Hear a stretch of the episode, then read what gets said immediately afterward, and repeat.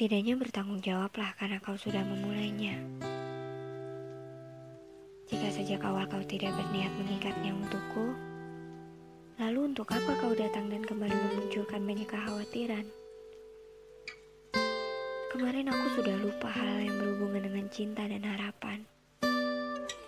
Bahkan mungkin sudah terkesan tidak peduli pada semua kerumitan yang tercipta karena sebuah ketidakpastian.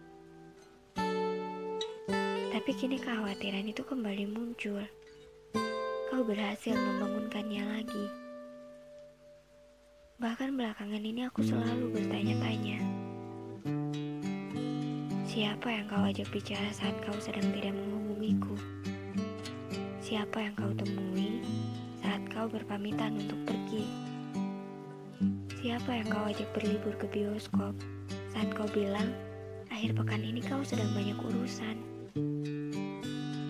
Semua akan baik-baik saja? Meski kadang kita kehabisan hal-hal menarik untuk diperbincangkan.